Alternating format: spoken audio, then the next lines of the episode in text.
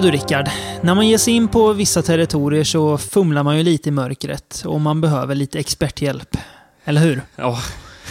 Och, det, Eh. och om vi behövde den någon gång så var det till det här avsnittet. Därför har vi kallat in Sveriges ledande främsta eh, Diamato-expert. Kristoffer Pettersson, välkommen.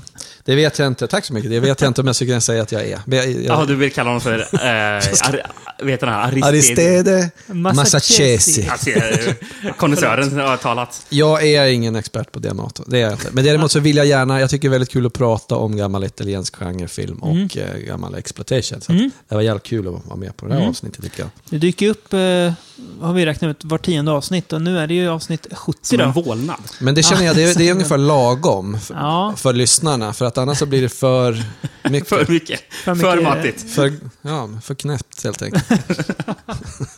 För mycket cyborger helt enkelt. Ja, Men inga cyborger i detta avsnitt. Nej, inte så vitt jag vet eh, just nu. Men Så eh, vitt jag vet. jag tänkte passa på att önska Rickard eh, grattis på födelsedagen. Han har ju fyllt jämnt alldeles nyss. Oj, oj, oj. Och därför vill jag överräcka en liten gåva här. En liten present som jag har köpt. Jaha, ja. Rickard Det var ju öppnar här i podden. Ja, precis. Så du får riva upp ett svart, hatfullt paket. Och det, i den döljer sig... Och Nemesis 4. så där kom det lite cyborger ändå, va? Vad i helvete. Ja, jag visste Jag inte visste ens att det fanns en Nemesis 4. Jag trodde det var tre som fanns. Nej, det finns fyra. Där är Price och Norbert Weiser, alla Är hon sköna... tillbaka Surprise alltså? Ja, hon är med, hon är med alla fyra. Oj. Den där vill jag kolla på, Rickard, en sväng bara. Ja, Ettan och tvåan såg vi ju förut. Trean så kan ni hoppa över, det är mest massa gammalt skit som blev över när ni gjorde tvåan. Det där är, det där är en helt annat kapitel, nummer fyra. En fin Den är tysk riktigt Blu-ray. galen. Fin tysk Engel Blu-ray-utgåva. des Todes. Ja, det blir inte mycket bättre. Men, ingen, men ingen eh, Albert Pune. Jo, han har gjort den. Är det han som har gjort den? Pjunsten har gjort Oj. Det är klart. Absolut. Vem, Fantastic. vem Och, annars? och Norbert Weiser är fantastisk, as usual. Men skit, vi skiter i Syborgen nu då. Ja, Vi skiter i mig också. nej, det, det här då. Eh, ja, vi ger oss in på den gode, gode farbror Joe istället då. Farbror Joe, ja. Mm. En man med många pseudonymer. Vi kan väl eh, sprida ut hans pseudonymer lite eh, ö, under avsnittets gång. Men Rickard ser sugen ut på att börja med någon. Vi kan du börja ser, med någon. Ja, du ser på hugget ut. Kör någon. Ja, men det, det är en sån här fascination med italienska regissörer, att man kan gå in på IMDB och kolla vad, vad kallar de sig för. Och, Mm. inte bara i italienska. Den, eh, den, många. den gode Franco var också duktig på Ja, pseudonymer. verkligen. Men Men, det men, finns- till exempel Bruno Mattei hade ju Ja, många klassiska ja. också. Det finns, Men finns väl få som har så många kanske som Massachusetts. Han har ju, eller Diamato, han har ju gjort 195 filmer står det på IMDB tror jag. Så att han, och han har väl, många av dem har ju olika namn Ja. på, så att det är jäkla hög. Vilken eh, går vi först ut med då? Vi kan börja lite mjukstart med eh, Hugo Clevers. Vilka filmer gjorde han som Hugo Clevers? Det är? Har du- ingen aning Nej, okej. Nej. Måste- Någon av hans porrrullar kanske. Ja, du, eh, du spräckte den bubblan med att, genom att öppna upp här med att ja, Jo Diamato, han gjorde inte bara skräckfilm. Nej, Nej. han gjorde väldigt mycket podd också. Vilket vi ska komma in lite på i den här podden. Men kör vidare med roliga namn. Ja, det Eh, ska jag vi bjuda på ett till? Ja, ja absolut. Nej. Okej, jag bjud- ja, ta ett till. Robert Jipp. Jag har ett också, Det- som jag är ganska säker på att, det att han har gjort porrfilm under. Ja. Dave Tough. Ja, det låter som det. Ja, jag har ett bra sen, men den håller jag lite Ja, på. ja. Vi sparar Eh, lite på ka- de karamellerna. Ja, Det man, ska, det man ska kunna säga om Joe Diamato, det är ju att han är ju på något sätt essensen av eh, italiensk eh, exploitation under, under väldigt många år. Började som en väldigt talangfull eh, cinematograf och director of photography. Sköt liksom Solange, Ottelman och sådana där grejer. Sen fick göra liksom egna grejer och följde med alla trender som, som fast han var väl kanske lite slisigare. Men, men gjort otroligt mycket och var i bakgrunden, producerat och, och, och fixa runt. Liksom så, här. så han är ju verkligen en av de stora inom italiensk genrefilm kan man ju säga. Med tanke på hur mycket han har producerat och regisserat och så vidare. Så att det är rätt att bara eh, kanske säga att han är bara någon snuskregissör. Så där, liksom att, men, men jag tror att man ska, man ska ge ganska mycket cred ändå för hur mycket han har, liksom har legat bakom egentligen. Och, hjälp, hjälpt folk säkert att komma fram också. Absolut. Men Så har vi... vad bra, då får vi ge honom lite cred under det här avsnittets gång då. Det kommer vi Det, göra. det kommer vi göra. Ska vi börja med en film som väl delar herrarna här lite grann, kanske i två, två läger i alla fall. Eh, Ett läger som förstår den och ett som inte förstår den. Så jag tänkte att den, det läger som förstår den ska få berätta vad den handlar om också. Och det är ju hans... Eh, Ja, Den här filmen har ju ibland placerats in i det väldigt luddiga Giallo-facket. Jag vet väl inte riktigt om vi, vi kanske ska pl- plocka Giallo. ur den den faktiskt. Ja, kanske. Ja, nej, den är väl ingen, den är väl ingen gallo. Det är väl egentligen namnet som gör att man tror att det är en gallo. Death Smile at Murder, eller Mm. Death Smiles on a Murder som den heter i USA. Va? Ja, Men sen så är det väl- jag, jag tyckte det var lite rörigt med vad den egentligen hette. Ja. Vilken... Lite förvirrande, men det är väl närmare en Hammer. Det är ju sån här period piece. Mm. Vad säger man? Kost- 1909 kostym. börjar den, tror jag, filmen. Ja, precis. Och eh, ja, vad menar du att jag ska berätta vad den handlar Ja, om? du ska berätta vad den handlar om. Jag hade ju kunnat förvarna. Ja. Eh, ja, han, han jiddrar lite grann med narrationen här då. ja, minst sagt. Goda Diamato. Men den handlar ju om en eh, ung kvinna spelad av eh, Eva Aulin. Som eh, eh, kommer åkande i en droska. Droskan kör åt helsike. Och hon tappar minnet. Hon blir omhändertagen av ett par. Eh, och eh, då, det blir utvecklas till en eh, ett triangeldrama mellan eh, henne, maken och frun då, i den här, på det här fina godset. Samtidigt är det någonting som är lite otäckt i bakgrunden. Eh, där bland annat får ju Husan, eller vad man säger, hon får ju väldigt konst... Gertrud heter hon, har jag för mig. Mm, det är möjligt. Eh, hon, hon får ju väldigt konstiga visioner av en person som vi har förstått redan från början med lite klipp så att det är eh, brorsan då, till den här Greta som Eva Aulin heter. Och han, han eh, dyker upp och jagar fast han finns inte riktigt där och eh, hon blir mördad. Efter, ganska tidigt i filmen. Sen så är det ju lite fram och tillbaka sådär liksom. De har lite kärleksaffärer, hon är lite mystisk och smyger runt och sådär. Eh, det är då, som jag sa, blandar ju lite grann vad som har hänt tidigare. Och, men jag tycker han förklarar det ganska bra på slutet. Jag vet inte hur mycket vi ska spoila. Ja, men ja, men, men eh, Klaus Kinski är ju med också han här. slängs ju in, ja. Ja, han är som en, Dr. eh, Sturgis heter han väl? Läkare som någon slags... eh, Han försöker utvinna någon form av- West-komplex. Ja, ungefär. Han försöker utväga, utvinna någon form av elixir va, Mm. som, som ska kunna wake the dead. Och, som jag förstår det så efter han har dött så får ju den här brorsan tag i elixiret och väcker henne till liv. Och det första hon gör är väl att ha ihjäl brorsan. Men han, så, så, för, så Okej. man ska Ja. förklara det. Att det var för någonting att- med att de vaknade upp till liv. Sen så hade Ja. jag lite svårt att hänga Jo, för att han, det som gör att det blir lite flummigt och lite tokigt, det är ju att eh, han går ju alltså från olika, eh, vad ska man säga, delar av filmen i samma scen. Alltså, någon kan falla ner död och sen så går sveper med kameran så kommer polisen in och då har det gått ett tag. Och så, han, han gör ju också så i slutet på filmen när han förklarar liksom, eh, när brorsan väcker upp eh, henne till liv, att det var tidigare. Att de här visionerna som har sett i det, det är ju bara den här Gertruds... alltså, Hon är ju lite sådär klärvoajant. Ja. Hon ser brorsan istället. Och, Ja, ja. Det, här är ju, det här är ju ganska typiskt för tidiga 70-talet där man flummar. Alltså, det är väl någonting som ligger kvar sedan 60-talet. Där, att, Mm. att det, det skulle vara väldigt liksom, så, lite surrealistiskt, lite, ja, lite pårökt helt enkelt. Mm. Ja, Jag, tycker, jag tycker det här är en kolossalt snyggt filmad den är film. snygg, ja. Och, eh, bra stämning tycker jag den också. ja. Det här Ja, gotiska som du säger. Eh, bra musik också som passar den här väldigt märkliga atmosfären får man ju säga. Det är Roberto Passiano som har gjort den, som gjorde musiken till Burial Ground och Strip New Jaha. for Killer. Och Ja, Okej. lite, Lite andra sköna Ja. sleaze-rullar alltså. Var nog ganska grov för sin tid också, den här filmen. Den är ganska Mm. blodig. Och, Ja, det är ju rätt så tidigt när den här hästdroskan eh, eh, faller omkull. ja. Eh, så är det ju han som kör eh, vagnen eh, blir spetsad av, eh, Mm. av, nå- någonting på vagnen. Så eh, hans inälvor åker ut magen får man se att de ligger lite vid sidan av. Och eh, det här är den första av fyra filmer som vi nämner i den här podcasten där det är inälvor som åker ut ur Ja. magen på, eh, på, på någon karaktär. Eh, Det verkar som Jode Mato gillar att ha med det i sin gore. ja, förmodligen. Typ auteurgrej alltså. Ja, Nej, men det är effektfullt och lätt att göra skulle jag nog... Ja, Ja, det är väl liksom, så det är tarmar som åker ut ur magen. Ja. Vad tycker ni om eh, Klaus Kinskis? Han är ju väldigt bra på att hålla i provrör, för det gör han i stora delar av det han med i Jag, filmen. eh, om jag eh, låg eh, skadad efter en eh, olycka skulle jag inte vilja ha Klaus Kinski som läkare. Eh, om jag ville hyra in en galen vetenskapsman, då skulle jag mycket väl kunna tänka mig Klaus Det Kinski. en för det är konstig- det han passar som. Det är, Ja. det är en konstig scen när han kommer och sticker henne i ögat. Mm. Med någon, med någon nål. Mm. Som man liksom inte riktigt får förklarat. Varför han gör det Nej, så. Nej, nej. nej. han är en ganska märklig roll. Men det var väl lite så typisk Kinski-roll att eh, han var ett namn. Eh, och så hyrde man in honom säkert Mm. lagom dyrt. Och så är han med i mycket mindre än vad han creddas för. Han är Ja. ofta liksom nästan så här affischnamn på Mm. eh, filmer och så är han inte med så mycket. Vi har ju ett tidigare exempel i eh, Footprints on the Moon som vi pratade om i Just han Jallo-avsnittet. med i. är han med lite grann i. Väldigt lite.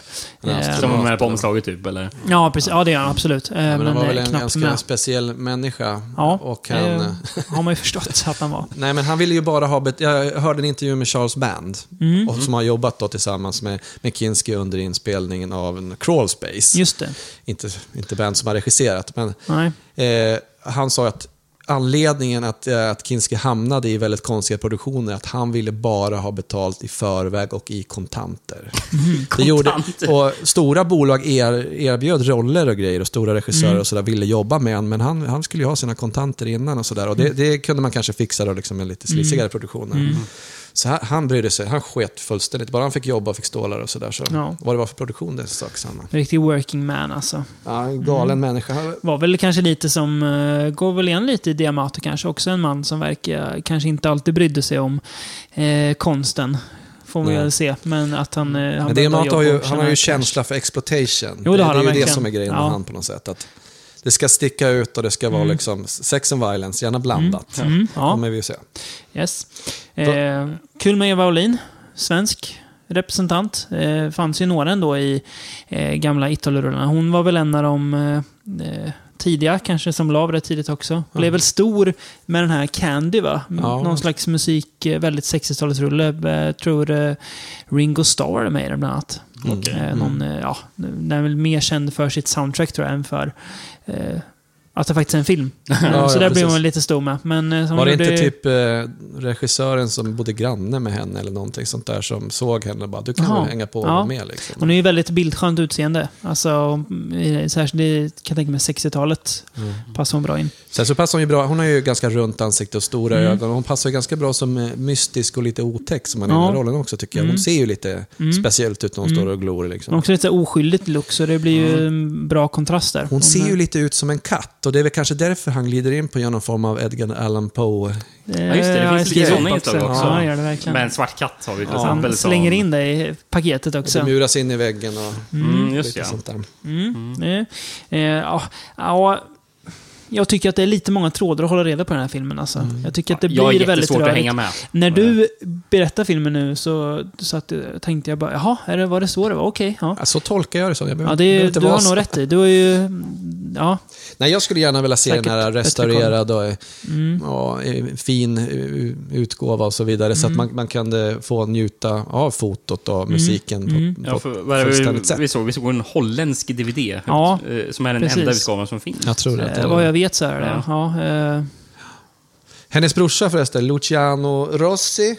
mm. Han är, ju, han är ju med mycket nazisploitation och sånt där. Han är ju Jaha, okej. blond. Han är ganska äcklig den, den killen, tycker jag. Ja, Mm. han är riktigt snuskig i den här filmen. Det är Roligt, svårt att sympatisera med den killen. roligt att på den här utgåvan så står det att filmen är från 78. Till och med. Eh, och, Vilket år är eh, den från egentligen? Roliga, 73? roliga är ju Ja. att, eh, att bolaget heter Japan Shock, men det är Ja, eh, holländskt.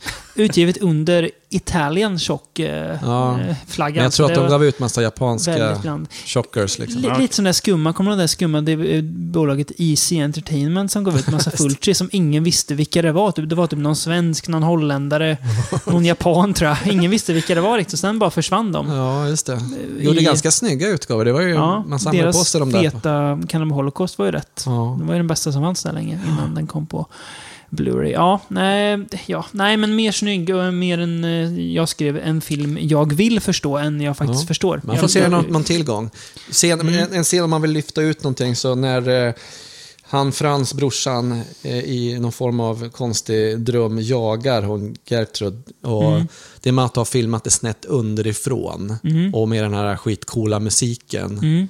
Det, det, är alltså, det tycker jag, bara att lyfta ut den scenen så är det helt fantastiskt Mm. vackert och Mm. häftigt alltså. Men det är ett tecken på att han hade ett, eh, trots eh, sin ofta väldigt exploativa ådra, ett öga för Han var fantastisk det, liksom, snyggare också. Alltså som är i nivå med de bästa italienarna kanske. Ja, absolut. Rent eh, visuellt. Han var ju sin cinematograf Ja, från början. precis. Han var ju, Mm. Ja, och eh, då jag läste lite om eh, Diamato och hans pseudonymer. Eh, när han jobbade som cinematograf så han, eh, då använde han alltid sitt eh, italienska namn. Eh, han hade aldrig någon pseudonym. Eh, och då, det, det får mig ju tänka att det kanske var för att han var stolt för det han gjorde som, som han gjorde som fotograf. ja, det var liksom det han verkligen kunde stå bakom. ja, precis. Och eh, i en av senare filmer vi pratar om så såg jag en intervju med, med George Eastman. Eh, där där George Eastman också säger att han var ju väldigt bra som fotograf och det är kanske det han egentligen skulle jobba som, fotograf och producent.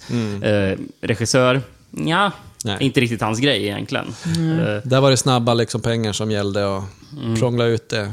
De sa ju att han var otroligt snabb på att jaga också, säger George Eastman i en annan intervju. Jag såg att han...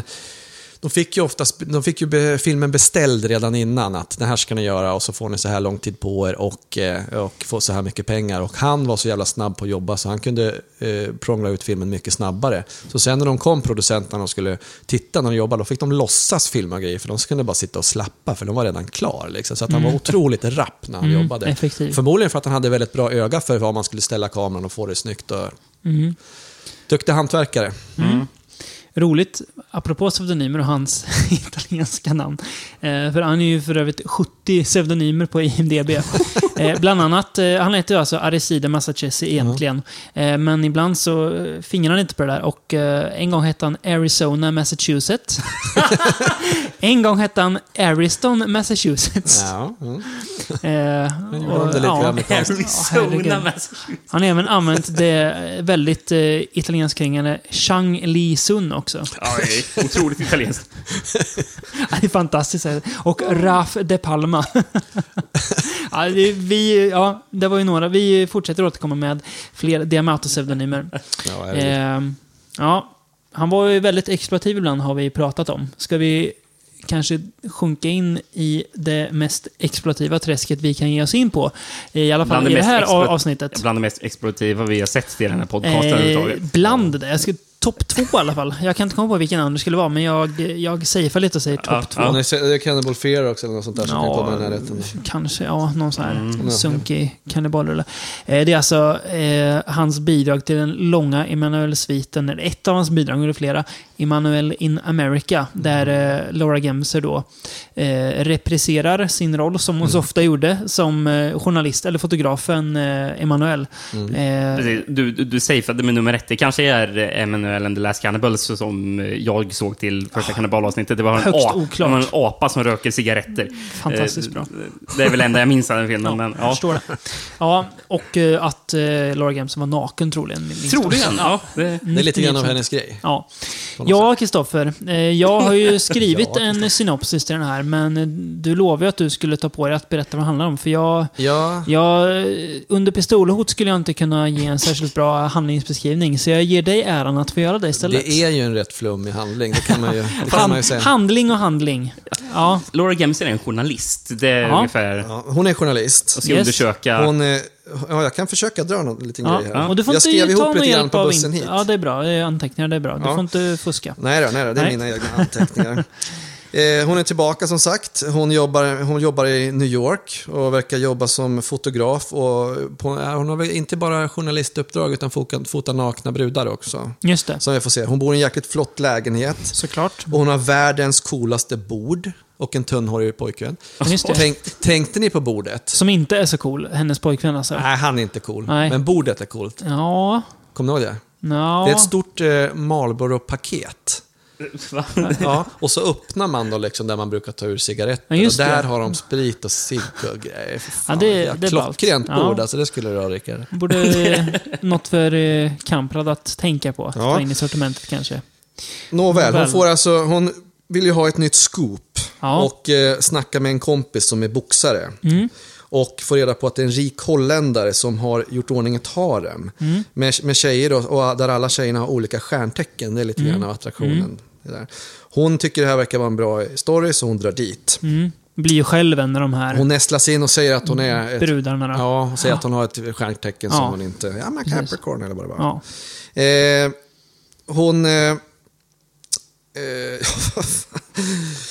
hon nästlas in där och eh, badar med tjejerna och Mm. träffar den här holländska greven eller vad han är för någonting och bråkar lite med han. Får också se en mycket speciell hästshow. Ja. ja, vi nöjer oss så. Ja, vi nöjer oss då så länge. Eh, hon eh, träffar också en, eh, en eh, rik greve som skryter om att han lever ett monogamt liv med sin hustru. Just det. Den här greven spelas för övrigt av Laura Gemses man på riktigt. Jag inte vad han heter, men så Okej. var det. Ja. Eh, hon, eh, hon- Laura tycker det där, eller förlåt, Emanuel tycker det där är lite skumt med att leva monogamt. Mm. Så att hon, hon bestämmer sig att hänga på till Venedig. Mm. Vilket gör att det är ganska konstigt att filmen heter... Menar den America och sen så drar de till Venedig. Jag fattar inte det. En tredjedel av filmen är nästan i Venedig. Mm. Om inte hälften. Eh, hon hänger då med den här greven och Mm. eh, får väl reda på att han i själva verket lever ett ganska promiskuöst liv. Japp. Som eh, aristokrater ofta gjorde i italienska filmer. Ja, så, Ja. så är det. Det har man sett i Gallo-filmerna. Ja, det har man gjort. Eh, hon har väl en liten triangeldrama med de här um, med både den här greven och hennes, hennes, eller hans fru. Och eh, hänger till slut med på en cocktailfest. Mm. Där de har en väldigt speciell tårta. Där det hoppar Japp. ut en tjej och då blir- utbryter allt eh, i någon form Ja, av det, orgie. det, det var nästan min favoritscen för den var, så kan jävla, väl- den var så jävla märklig. Vi kan väl den. prata mer om den scenen sen. Ja. Gå in i den i detalj. Tänker jag har också en grej jag vill tala, Rickard.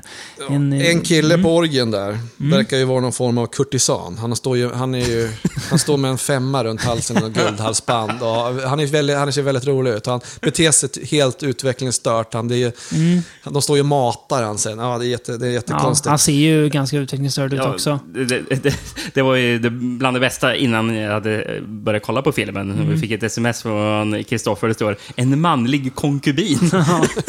Men den är kanske den, den blondaste man jag någonsin har sett på han är film, väldigt solbränd och så har han väldigt Ja. fin mustasch. Ja. Han är alltså det vackraste man kunde tänka sig kanske. Då. Han har ju 70 alltså, hans mustasch är ju blondare än vad Maurizio Merlis mustasch är. Ja. Det är fan ett jävla bedrift alltså. I alla fall, Emanuel hon blir ju lite intresserad av det här med den här kurtisanen Mm. och spårar upp någon form av bordell för Jaha. tanter. Jaha. Rika, rich ugly women, som Ja, eh, precis. chauffören säger till henne. Och går då på någon fest där, där de får se allt möjligt. Bland annat får de se Tarzan. Ja, just det. Inom- inom- Just det. Vet ni vem som spelar Tarzan? Nej. George Eastman. Alltså. Ja, Ja. Det, det var så alltså. Ja. Jag tyckte han var Men det är förmodligen, bekant. för det är ju lite hardcore-scener där och det, Ja. det tror jag inte att det är Jag tror inte han gjorde, nej.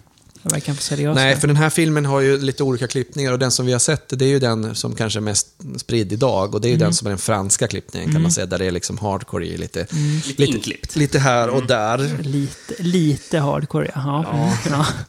ja. Ja, ja, hur som helst. Hon får, hon ser, lite- det, är ganska, det hon får se som är lite speciellt. De går förbi ett rum där två stycken ligger och har det mysigt och tittar på en film på en, på en duk. Så här. Mm. Och där är det Ta en jävla vändning. otroligt grafisk snaff Mm. de tittar på när kvinnor blir torterade och mördare. Och där tar ju... Mm, Kvinnor och män. Jag tror det är någon män också som blir Ja, det torterad. kanske det är. ja, där är. Ja, det har du rätt i. Mm. Oj, oj, oj. Efter en timme och tio minuter så tar filmen en totalskruv. Alltså, Ja. och blir jättemörk under en liten kort period. För hon bestämmer sig för att spåra upp det här och hitta någon, någon, någon government man, va? Är det väl? Han håller ju på och pratar om att USA behöver ett nytt krig och allting sånt där. He- Helt pl- plötsligt blir filmen en föregångare till Nicolas Cage-filmen 8 millimeter. Ja, precis. precis. Hon vill ju analysera den här och gräva lite grann i vad det är för något, om det är snaff på riktigt och allt det där. Och eh, flörtar upp den här snubben hon har träffat och eh, hänger med hem till han och han, han ger ju henne LSD. Och sen eh, får vi, ja, det, sen är det lite diffust sådär. Är hon med när de spelar in snaff eller är hon inte? Hon har fotograferat det visst. Nu, nu känns det som att jag spoilar lite grann. Ja, ska vi... Ja.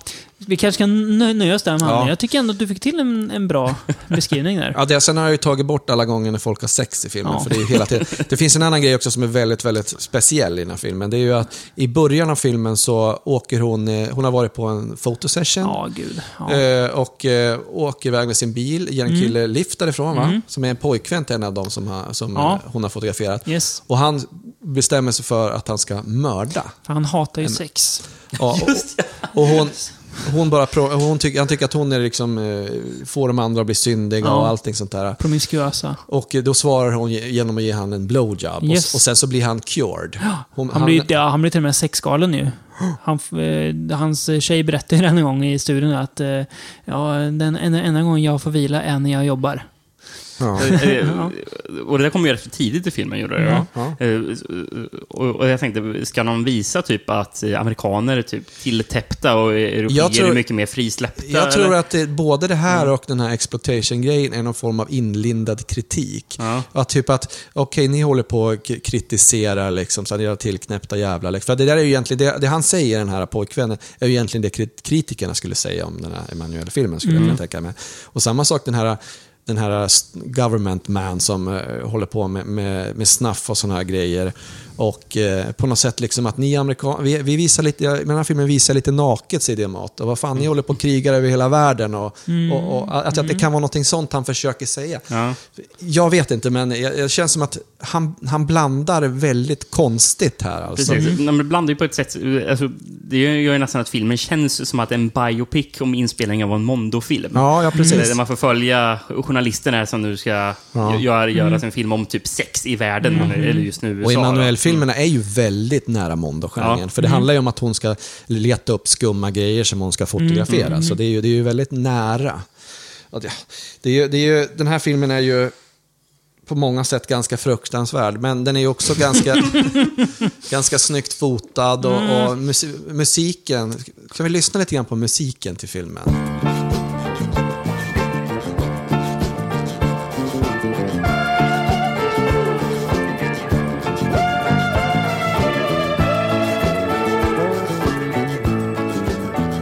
Ju liksom klatschigt och lite, Ja, lite, men ro, alltså, Men, lite alltså, roligt. ja, men, musiken gillar jag bitvis. Jag är faktiskt, det håller jag med om. Sen så kan jag, alltså, som du var inne var Utan inne- den så hade ju filmen blivit mycket sämre. Ja, inte lika glidig på något sätt. Nej. Men sen så, alltså mer exploitation än så här kan det fan Nej, inte alltså det är ju så mycket, det är så mycket porr alltså.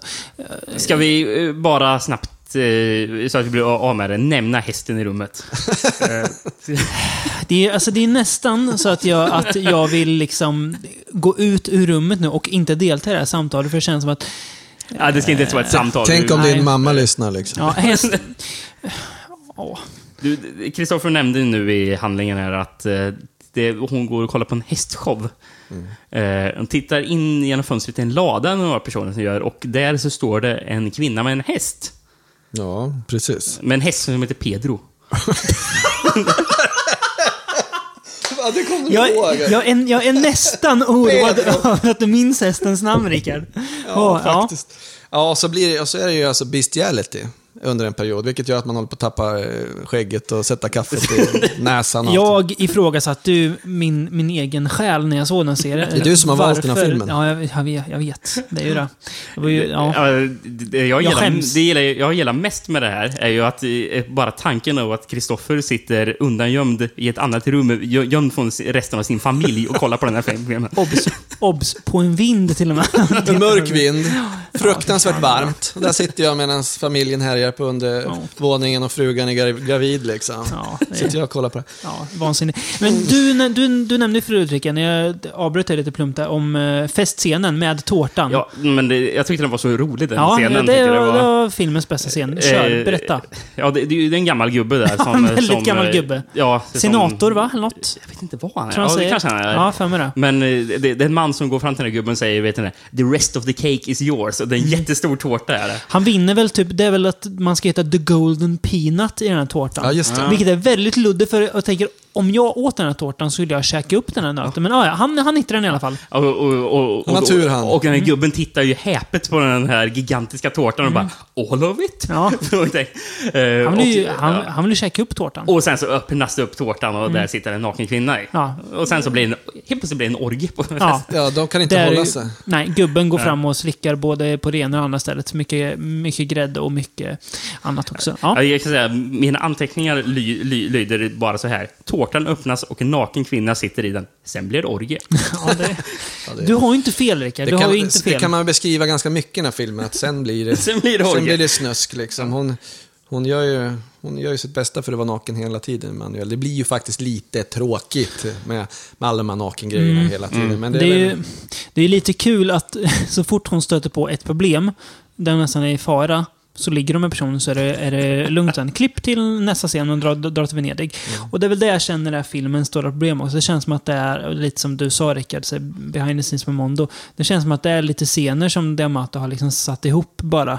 Att det knappt, jag- jag tyckte, för mig hängde det knappt ihop alltså, Nej, filmen. nej. Det var som att först är hon där, och sen är hon där, och sen är hon där, och sen är filmen slut. jag tror inte poängen Ja. är liksom själva handlingen heller. Poängen Nej. är ju liksom de här människorna som ska Ja. vara vackra och vara nakna. Ja. Alltså det är ju så det är. Det här är ju Mm. det är softcore liksom. Ja, Det ibland enda, som, det enda som gör att den här filmen är, är värd att prata med överhuvudtaget, det är ju att han, han på något sätt blandar ihop sex och våld så jäkla, jäkla Mm. nära på något sätt. Som är, som är verkligen, det är lite grann som man gör ungef- ungefär i Porno Holocaust och grejer. Det finns ingen som kan bli upphetsad och det finns ingen som kan bli rädd. What's the point? Jo, det är bara exploitation. Ja. Mm. Alltså, och och det, det går som en röd tråd. Man får ge en cred man- Diamant, för det är ganska äckliga med snuffscenerna. De är Ja, ganska, ganska välgjorda. Gionetti de Rossi Ja. heter han som har gjort det. Visst är det det? Fulci- Ja, ja, som har gjort Beyond, ja. Zombie, Flesh Eaters, Hospital Cemetery, som jobbade mycket Ja, mm, bra effektsnubbe. Ja, och Okej, då, jag har hört att eh, de... Italiens Savini. Ja, då- precis. De ville, ju, de ville ju också ha dem så skitiga som möjligt. Så att eh, det, det med att han, han håller ju på tog negativet och rispade det i grus och sådana här grejer. Så att jag menar, det är ju den här känslan som den här snabffilmen har. Det är ju precis det idag när man håller på med liksom den nya Grindhouse-vågen och grejer. Det är den här känslan man försöker eftersträva, men det går ju aldrig att komma Nej, nära nej, det de nej, gjorde nej. på den här tiden i, i skitighet. Och de här scenerna, det, alltså jag vill inte ens beskriva dem, men de är ohyggligt jävla Ja, brutala. Det är bland det värsta man har sett Ja, det, nästan. alltså. ja, nej, det vände sig lite i magen faktiskt. Det, Ja, det faktiskt. jag Ja, men det var riktigt vidriga var de. Och eh, en som också tyckte de var vidriga, det var regissören David Cronenberg. För han Jaha. ska ha sett den här filmen och blivit inspirerad till snuffgrejerna i Videodrome. Jaha. Den tv-kanalen som visar snuff i den. Eh, det, det, inspirationen ska komma från den här filmen. Så utan den här hade vi inte Il- fått Och Videodrome Ilsa alltså. the She-Wolf och Vesses tror jag också. Okej, Det var de ja. två filmerna liksom, som inspirerade En dem. annan höjdare. Men, men, men, men jag förstår verkligen det här. Liksom att, ja, här, här är det. Ja. Det är ju som du sa i början, Kristoffer, vi har eh, Diamato att tacka för väldigt mycket. Alltså, Ja. bland annat, bland annat Ja, alltså. ja. Ja, det ser man. Han Det var ju, är- Indirekt. kan man inte tro. Ja. och det är lite kul för att han i sin tur var ju inspirerad av eran musa, eller man ska Jesus Franco. Mm. Han, är- han, han klippte någon Franco-film tidigt och Mm. tyckte liksom att den här kopplingen, lite horror och, och lite sex var, var någonting att, att bygga på. Liksom. Så att, Mm. allt är en det cirkel på något ny sätt. nivå. Mm. Ja. Ja. Men ska vi lämna snusket? ja, vi kan väl göra det. Gå vidare på lite mer annat sorts snusk kanske. Eh, fast kanske framförallt eh, ganska... Eh, Nu är det gore-snusk, alltså. Ja, äck, äckligt. Ehm, Beyond the Darkness, eller som den här heter, Buio Omega. Eller som den här heter, Blue Holocaust. Eller Holocaust. som den eh, även heter, Zombie 10. Va? Tror jag. Ja, det är det. Jag läste Någonstans. någonstans. Ja. Vad är det fel? Väldigt- Ob- Obskyr DVD-utgåva där de döpte den ja, mycket bra för Jag tror det var den här filmen som var Ja, Zombie i 10. Frankrike heter den Blue Holocaust. Ja, jag för mig jag läste Zombie 10 på Och Zombie någon... 10 tror jag också så. Så Buried, så har du även Buried Alive. Buried Alive i Nej. USA heter den. Ja, okej. Ja, man. Mm. I USA heter den Buried Alive. Nu tänker, jag, nu tänker jag att någon annan får dra sin Ja, också, så nu har jag jag kan, eh, jag kan köra om det är okej för herrarna. Mm. Eh, Den eh, Beyond the Darkness då, som vi kan väl kalla den i fortsättningen, eh, handlar om den unge Francesco. Eh, som lever någon slags, eh, jag vet inte, föräldralöst rikemansunges liv på eh, ett, ett så gods. Eh, hans favoritsyssla verkar vara att stopp, stoppa upp djur. Eh, är väldigt duktig på det också. Men hårdast bultar ju hjärtat då för kärleken Anna. Eh, men hon ligger tyvärr dödssjuk i sjukhussängen. Och eh, efter ett besök... På grund av eh, lite voodoo som är i början. Ja, just det. Nej, är det på grund en av det eller? Ja, det är är det. Ja, okej. ja. Så, Det det, är ju är i- så jag fattar det. Ja, fall. det är det är ja. som, Ja. Jag förstår inte varför de skulle ha voodon med Nej, det är sant. annars. Nej. Men det är ju Iris som... Ja, precis. Vi kommer in på den, Hushållerskan. den snuskiga Iris. Ehm, hon dör ju då, Anna, efter ett eh, sjukhusbesök. Eh, men eh, innan hon dör så lovar ju Francesco att döden ska inte få skilja oss åt, utan vi ska vara för evigt, du och jag. Mm. Eh, han blir rätt ledsen då, som man kan eh, förstå.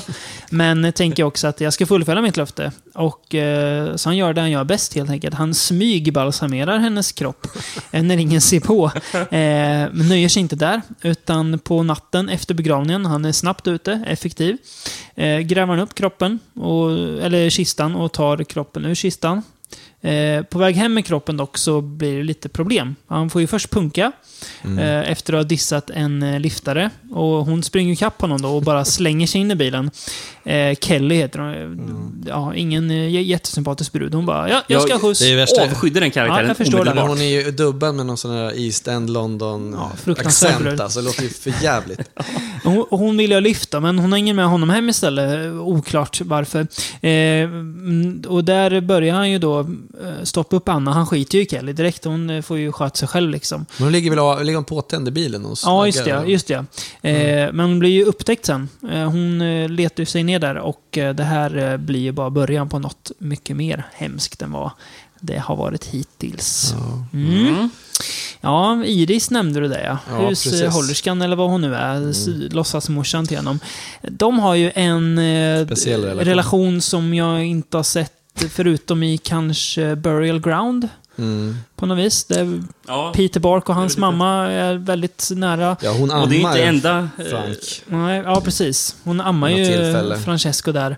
Eh, ganska märkligt, tycker att han ska komma nära. Och hon, eh, ja, hon är- mjölkar ju honom också, kan man Franka väl säga. Stoppi heter hon väl, hon Ja. skådespelerska. Mm. Hon, är hon har varit med i mycket sån Nazi-exploitation och Ja. Bear Behind Bars-filmer och grejer. Och där passar hon väldigt bra. Hon har väldigt speciellt utseende. Mm. Ganska hon så är hårt och Hon är ju elakt vack, utseende. vacker men samtidigt väldigt kantig och Mm. vass och snipig och sådär. Så att hon passar ju bra som... Hon är väl någon sån här abbedissa i någon Unsploitation-rulle. Ja, det jag. kan jag köpa Ja. henne som. Det, Ja, jag också. Eh, ja, nej, men hon, deras eh, förhållande är ju... Alltså, det är ju på något vis... Den känslan som deras förhållande eller relation har hänger över hela filmen. Det är något väldigt äckligt och snuskigt över filmen. Och det är inte... Alltså, det är ju... Här gör ju... Jag har nog aldrig sett någon göra så eh, exploitation så finkänsligt, om man ska säga. Det är en kärlekshistoria på något Ja, sätt. det är ju det. Det är ju väldigt mycket exploitation, men det är också gjort med ganska mycket finess på något vis. Mm. Eller någon tanke bakom det. Det är ju som att Emanuel in America och den här skulle kunna vara samma skrot och korn, men det här Mm. är, jag vet inte, gjort med lite mer Men grejen är ju att kärlek och det som är bakom speciellt kanske. är ju alltså, han, eh, Frank heter han, han är ju liksom Mm. protagonisten på något sätt. Det är ju hans historia man får följa. Och han, det här måste väl vara Diamatos eh, eh, psycho på något sätt va? Är han inte väldigt Norman Batesig? Mm. Han är och- väldigt psyk- alltså, han känns som en ar- arketypisk psykopat. Pendlar mellan det här charmiga och det här Ja, ja, tokgalna liksom. men också stoppar upp folk och ska Ja. stoppa upp henne och grejer. Precis. Mm. Och, och, ja, alltså jag tycker att den här är väldigt, väldigt fascinerande och annorlunda Mm. film. Mm. Alltså. Jag tycker den är, jag, tycker, jag, jag kan inte låta bli att säga att jag tycker den här filmen är jävligt bra på Ja, något ja, skevt, konstigt sätt. Ja, jag alltså. tycker den var bra nu. Den fångar en och eh, Mm. är fascinerad och otroligt... Mm. Ja, David, du, du och jag såg ju den för, jag vet inte hur många år sedan Fem, det sex år sedan kanske.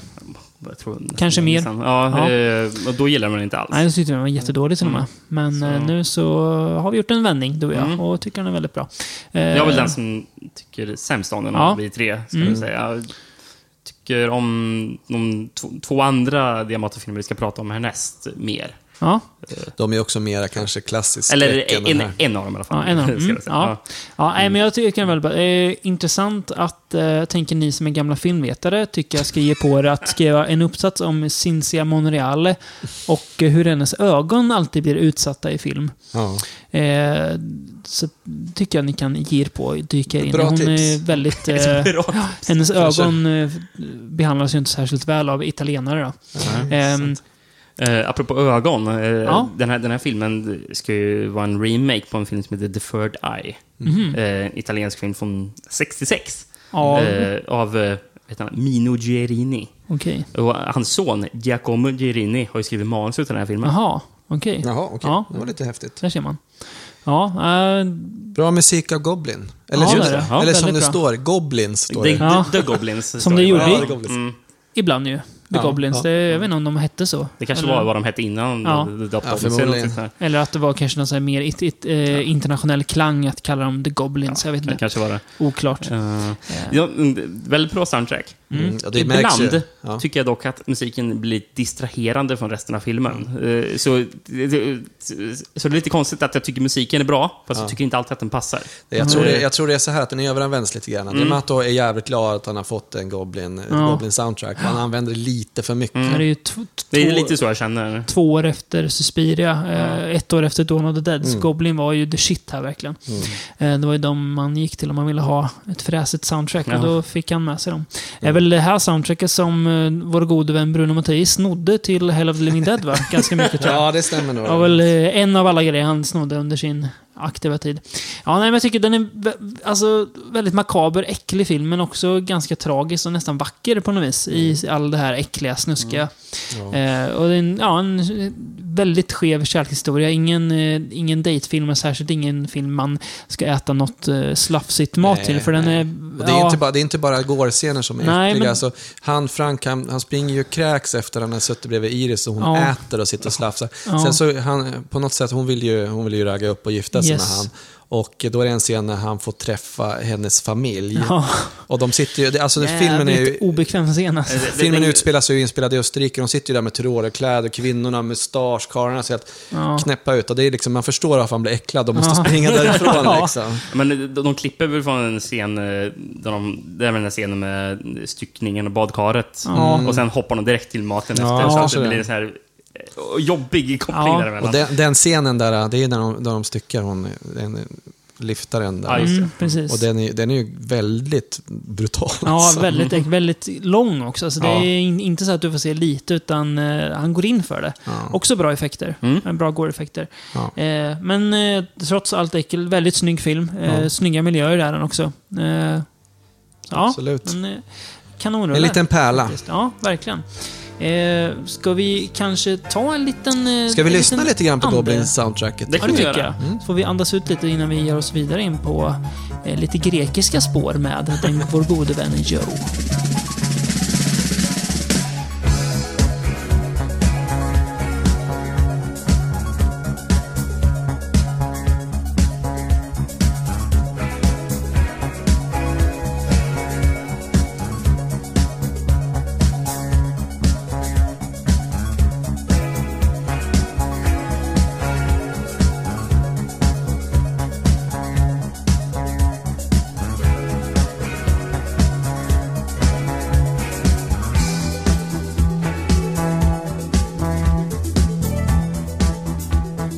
Ja, sådär. Eh, jag utlovar lite grekiskt och det är ju just det vi ska få nu. Eh, vi byter inte regissör utan vi håller oss på den eh, gamla goda italienaren Joe D'Amato då. Och hans grekiska ö-äventyr som inte är inspelat på en grekisk ö, men ändå. Nej, den är inspelad i Aten, så inte ö, men... Nej, precis. Ja, det är ha, där- halvö är väl Grekland, typ? Eller? Ja. Det märks ju att han sitter passar- ihop med resten av Europa. Ja, men inte, den räknar inte som halvö. Nej, det Kanske gör det inte. Det är väl det. fastlandet i alla fall. Det är ingen ö. Ah. Skitsam, skitsamma. Hur, Grekland är de i lite i alla fall. hur som helst, han har ju varit ganska noggrann med att klämma in och verkligen visa att han är i, i Aten. I Aten ja. ja. Gud ja. ja. Eh, Antropofagus heter ju filmen. Inte den eh, lättaste, inget namn man skojar bort som man brukar säga. eh, Eh, eller den tyska titeln, Der, Der Menschenfresser. Man Eater som vi trodde. Eh, The Grim den- Reaper i USA va? Ja. Ja. Man Beast. Ja, The Beast också, ja. och, eller bäst, Zombie 7.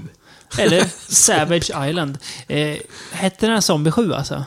Ja. Ja, Hette, roligt. inom ja, citationstecken, det, det är alltså. bra. Jag vill att våra kära lyssnare nu ska tänka på att ehm, Beyond the Darkness, som alltså var från 1979, Zombie 10. den hette Zombie 10. Japp. Eh, Anthropophagus, året efter, 1980, den hette Zombie 7. Ha det i åtanke bara, för Ja. vi, vi åter, återkommer till det sen. Okej. Ehm, hur som helst så handlar den här filmen om den inleds med att vi får se ett tyskt par som semestrar på, ja, verkar vara en paradisö. Det verkar vara ganska gött där. Eh, men stillheten bryts snart när de båda mördas brutalt av någon ja, nästan så här hulkande figur. För, Eh, för, för, för, får jag bara nämna tyskarna i början, Ja. för vi kommer inte återkomma till Ja, tyskarna. nej, det kommer inte göra. Eh, Sköna jävlar. Bra dubbad. Tänkte ni på han, den tyska mannen, när han la sig vet ni, på stranden och med sina stora hörlurar och började lyssna Sjukt musik? stora hörlurar. Jag, Dessutom är han ju helt- Tänkte ni på den märkliga blipp-blopp-musiken? Ja, och lyssnade bara jag- blipp, blipp, blopp. Jag tänkte på det. tänkte hur fan kan man sätta så och tycka det där är bra, tänkte jag faktiskt. Nej. Han är också fullt påklädd på stranden. Blek jävel. Ja. Kanske känsligt. Ja, Han, Ganska- han får ju en eh, hatchet i ansiktet. Han Det med blir att drar ju mördad. på en rejäl Hajen-hyllning där ja, med, gör han. Verkligen. i Eh, sen klipper vi. Och så får vi hänga lite med ett kompisgäng också. Eh, is- istället menar jag. Som är på semester i Grekland. Där de träffar på Julie, spelad av Mia Farrows eh, mer talangfulla syster Tisa Farrow. Mer talangfulla. Ja, mer talangfulla. Tisa Farrows sista film. Ja, det var Ja, som vi även ser. Hon är med i Zombie också, vad tror jag? Och Ja. tror jag dyker upp Ja, faktiskt ja, i, eh, i, i någon, eh, någon film av eh, han den där Woody Allen också. Ja, jag tror att hon, jag tror att dyker hon, upp i bakgrunden i någon jag film tror att hon står i bakgrunden i alla fall. Ja, precis. Ja, ja det men det var- den, det var så Diamato knäckte henne. Hon la av efter den Ja, här filmen. bedrövligt att hon inte fick göra mer. Jag tror det var Woody Allen som knäckte den. Ja, jag tror också. Den är jävla Woody alltså. Eh, de tar i alla fall med sig henne. De träffar på henne och tycker ja, hon verkar skön. Så vi tar med henne- henne på vår resa. Eh, vidare från Aten. Eh, de, deras mål är väl lite luddigt. De ska ut till någon ö. Eh, finns ju rätt många att välja på där. Eh, men Julie övertalar dem att åka till en rätt obskyr ö. Hon är ju lite mer eh, Bevandrad. cool än vad de är. Liksom. Lite hippare. Eh, för den här ön ska vara ett paradis och ganska tom på turister också. Särskilt så här års. Eh, så de ja men vi, vi drar dit och hänger. Det verkar ju gött. Eh, de beger sig iväg med båt. Men när en av dem, Carol, läser sina tarotkort, då blir de minsann orolig för hon märker att nej, något är tokigt med den här ön. Vi borde inte åka dit. Vad gör de då? Ja, de drar dit ändå, för tarotkort kan man ju inte lita på. Dumheter. Eh, Precis. Eh, och väl på plats så märker de att stället verkligen är tomt på folk. Helt tomt. Helt totalt ödsligt.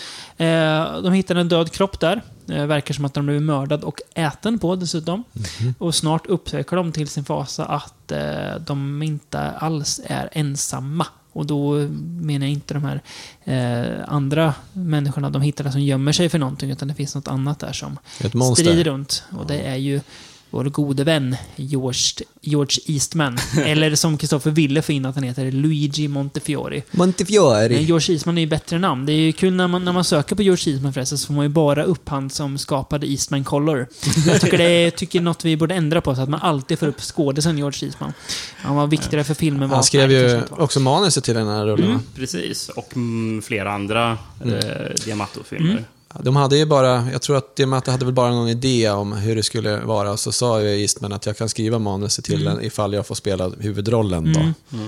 Han, han gnällde väl sen om att han inte fick åka till Grekland överhuvudtaget. Han fick vara kvar i Han har Italien. även sagt att han inte tycker filmen är bra. Nej, han, tycker det. han, Han är väldigt han, öppen med. han, han, eh, han gillar att spela in den, men han gillar inte resultatet. Kul att göra. Det, det var någon sån här visning efter, efteråt, Mm. eh, där han och producenten hade varit på.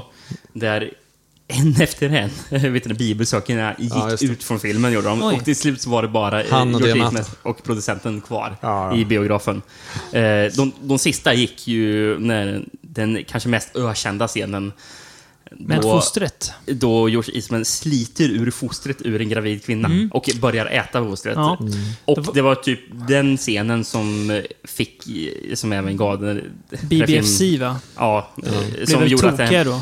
Precis, den här filmen blev ju en av de här video nasties. Ja, precis. Ja, absolut. Serena Grandi, de fick väl till och med bevisa eller, att hon inte var Mördad. död och Ja. sådana där grejer. Att de trodde det var på riktigt. Ja, jag vet inte, på, på nyheterna, BBC News, kallar ju den här filmen för snuff. Ja. Oj, Eh, oj. På nyheterna. Så det var ju riktig så här, moralpanik där.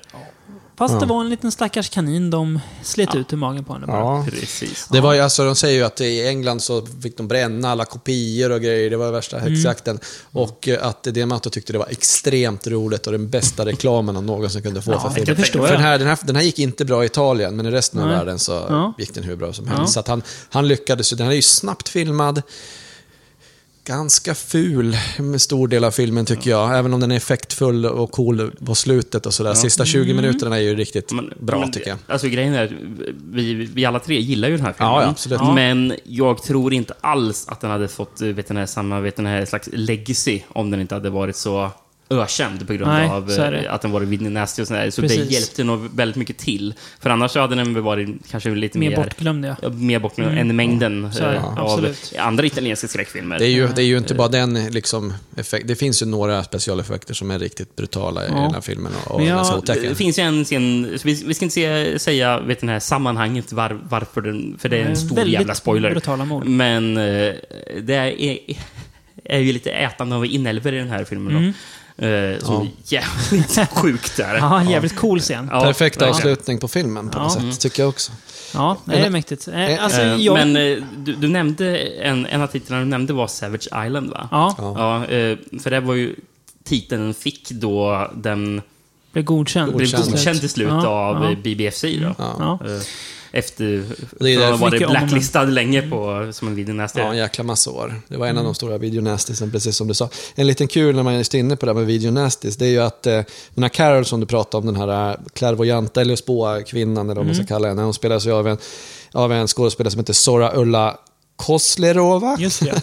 Mm. Som också är med i New York Ripper Precis. och Cannibal Fear också. Ja. Snacka om att pricka in eh, videonastis liksom. Jajamän, hon gjorde mycket där ja. Eh, alltså jag vill nog, säga, vill nog gå emot det lite Kristoffer. Jag tycker faktiskt inte att filmen är ful. Jag tycker det, att de här miljöerna som de har, den här ön då, som ska vara någon grekisk paradisö. Jag tycker att den här tomheten som de får till, eh, visst, visserligen är väl- de har väl valt att filma tomma ställen bara, men jag tycker att det känns väldigt obehagligt ödsligt och det vilar något så här. Men Sen, alltså, jag- jag tycker att- jag, jag, jag undrar om... Det, det, måste vara, stämning, det jag. måste vara scenerna i, på de öde gatorna som är typ Ja. filmade i Aten. Det måste ju vara att de har hittat gator Ja. som är relativt tomma och tömt bara. Ja. För de ser ju verkligen ut som att de är filmade i jag Grekland. tycker det är snyggt alltså. Jag tycker det, det, det finns något obehagligt över det. Särskilt eftersom att man vet att någonting väntar där. Så tycker jag det, det finns ett, en hotfull stämning som jag faktiskt inte trodde den här filmen skulle ha när jag nu såg om den. Jag trodde det skulle vara mer enkel gårfilm bara. Precis, jag var ju lite tveksam innan jag skulle se filmen. Jag bara, ah, hur kommer det här nu Ja, men vara? får- ja. Eh, och, eh, men, och det var ju lite den här stämningen som eh, fick mig att gilla filmen så mycket på grund av att jag tycker den känns väldigt otäck med... Eh, alltså, det, det har ju någon slags gotisk touch i, Ja, eh, det, det har i det det. här det. grekiska... Det jag menar, om jag får försvara mig lite grann, Ja. det är att jag tycker att den, den, är väl, den är ganska ojämnt. Det är alltså kanske en halvtimme, 40 minuter i mitten av filmen som är ganska sega att ta sig igenom, tycker jag. Jag tycker, ja, jag tycker inte det. Jag håller inte med dig Och sen så, alltså det som blir bra i slutet, det är ju inte att det liksom är full fart och, och massa går, utan det är ju att han, där är det en jätteskön stämning på något sätt nere i, de hittar ju några kryptor under det här Ja. huset. Och, Jag tycker att den här stämningen finns hela tiden. Det, är, alltså, det tycker känns jag- något fel. Man förstår att någonting, och här har någonting gått väldigt fel. Eh, Att alla har dött, verkligen. eh, Den får man ju tänka på, det, det känns väldigt mycket som en slags italiensk eh, eh, slasher. Eh, Mm. Eller lite, tänk, tänker jag fel? Eller tänker jag på eh, The Slayer med att den har lite av de där spöklika... Ja. Eh, alltså, vet, du, den, här ö, Precis. den här öde stämningen Ja, liksom. ja. För du, Slayer är väl fast på någon sån här ö eller Ja, någonting. nu- ja, ja. Mm. Ja, eh, Jag får samma känsla, vi- vibbar av den. Ja, ja, men det var väl inte så jävla ti- konstigt, det här var ju verkligen slasher-tiderna. Mm. Ja, jag menar, han ville ju göra någonting som funkar Men, men, jag utomlands. det menar, klart. men jag menar att han verkligen lyckats med det också. Ja, jag tycker Det- också det. Ja. Sen är det väldigt bra gore-effekter. Och eh, Eastman, där är ju någon som är ful i den här filmen alltså. Han ser ju vedervärdig ut, men det är ju också väldigt effektfullt när han väl kommer, för han är ju så jävla lång också. Han är ju 1,97 eller något sånt där. Ja. Eh, ganska, eller ganska, han är deffad in i tusen också. Och, eh, verkligen, Han är ju en stor Han ser ut alltså. att sträcka sig en halv meter över alla andra, även om Ja. han inte gör det. det är, om man förstår att den här snubben kommer du inte undan liksom. Nej. Eh, Får han tag på det så är det kört. Ehm, Han så det- funkar skitbra. Han, är, han, han ser Ja. ju också väldigt, väldigt galen ut. Och sen Ja. när man får backstoryn till, till hans vansinne Mm. så blir det ju nästan ännu bättre. Man lyckas bra med sminket. Ja, det tycker Mm. jag. Eh, så jag tycker att det, alltså, den har... Eh, jag kan förstå varför den blev en video nasty. Eh, men jag tycker att den har lite oförtjänt rykte som en eh, gore-film. För jag tycker För det är att den har mycket den mer. Nej, det, visst det är mycket våld i den, men det är det ju även i Beyond the Darkness. Och det är ju kanske inte lika känd som en Den gore-film. kommer ju inte i närheten av, eh, av Fulcis värsta, även om, även om jag tror att det, det Matt har försökt göra en Fulci här. Ja, det, det kan det nog vara. Eh, men jag tycker att, den, alltså att det som jag tycker om med den, som du sa Rickard, jag håller med dig helt, det är atmosfären. Eh, det är en väldigt enkel story, det är, det är vad det är, men den funkar så effektivt just för att de får till något så här olustigt. Jag känner så här, jag, vill inte, jag skulle inte vilja vara på den här ön. Och det är, eh, först vill man det kanske när jag ser hur bildskönt det är, men sen förstår man att nej, där ska man inte vara, för då får man träffa på just Isman som får tag på en, och det vill man inte. Eh, så jag tycker att eh, ja, den är faktiskt ganska otäck. Och det är ju inte ofta man kanske känner det av eh, italiensk genrefilm Nej. faktiskt. De är ju, var du- väldigt duktiga på mycket annat, men kanske inte att göra en, Förmedla en slags... ehm, ett Obehag. obehag. liksom, Nej, nej, och jag tycker att det finns ett obehag av den här filmen som jag, eh, precis som du sa också Rickard, återigen, eh, att, som jag inte väntade mig riktigt. Jag trodde att det mer skulle vara en ganska enkel, lite så här trashy gore-film. Och visst, den är ju... Alltså, som du sa, Isman gillar den inte själv och den är ju lite trashy, men jag tycker att det märks inte allt för mycket att den är inte är gjord med så mycket tanke bakom, utan det Nej, känns som nej. att den är lagt mer än vad Den funkar, den funkar ja. lite bra, trots att Ja. den är ojämn. Lite grann, Ja. tycker jag. Men så det, det är Yes. bara jag. Mm. Ja. Ehm, sen eh, efter Anthropophagus då, så tänkte ju Eastman och Diamato att eh, vi gör väl en uppföljare, typ. Ja, Eh, typ. ja, tan- Andlig tanken uppföljare. var väl det, att man skulle göra en Anthropophagus 2. Eh, så blev det väl inte riktigt om man tittar på vad filmerna handlar om. Eh, George Eastman spelar återigen eh, en eh, galning och Diamato står för regin. Men eh, ja, det blev inte riktigt en Anthropophagus 2, utan det blev en Absurd istället. Eller Rosso Sangue. Precis. Måste väl betyda typ rött blod, tror jag. Eh, Kanske. Ja, Ja, tror någonting rött i alla fall. Eller Jo, Zombie 6. Monster Hunter, va? Ja, Zombie Ja. 6 Monster Hunt. Så vi går alltså. 19- 1979 kommer Zombie 10. Ja. 1980 kommer Zombie 7. Och 1981, då kommer Zombie 6. Det roliga sen är Men vilket jävla land är det som heter utom så? 1991 så gör Diamato typ Zombie 5. Alltså, Just det, det är Ator 4 tio va? år senare. Nej, det är Killing Birds, är Zombie 5. Just det. Ja, just det. Ja, Men har det- inte någon av Ator-filmerna även kallats Det för har den zombie någon gång? säkert. Det är, frågan är ju vilken... Frågan vi ställer oss nu är Ator the Fighting Eagle typ. eller? vilken film är Zombie 8 och Zombie 9? Det är det som är spännande. Nej, Det får det vi är aldrig veta. fascinerande hur det är. Zombie och så numren bara. Ja, den har ju faktiskt också kallats för The Grim Reaper 2 och Anthropophagus 2. Precis. Ja, läser man på internet så är det ju vissa som hävdar väldigt säkert att, här, att Eastman spelar samma roll. Ja, jag skulle inte Skulle vilja säga hävda att han absolut inte gör det. Nej, det är, det är fel. Så Eh, tolkar inte jag det heller. Men däremot så är det ju i In the Spirit en uppföljare, det kan man, Absolut. kan Ja, man väl säga. Mer andlig. Eh, Isman spelar ju istället en man på rymmen. Eh, oklart varför han rymmer. Ja, men han är ju ett labbexperiment. Ja, men, Ja, det, men oklart till en början. det vet vi inte till, direkt, Kristoffer. Nej, Nej, om okej, man nej. inte har sett Okej, filmen. sorry. Får ju reda eller på det senare. Ja, ja det kommer sen. Eh, han skadas allvarligt under den här flykten. Han blir jagad av en snubbe.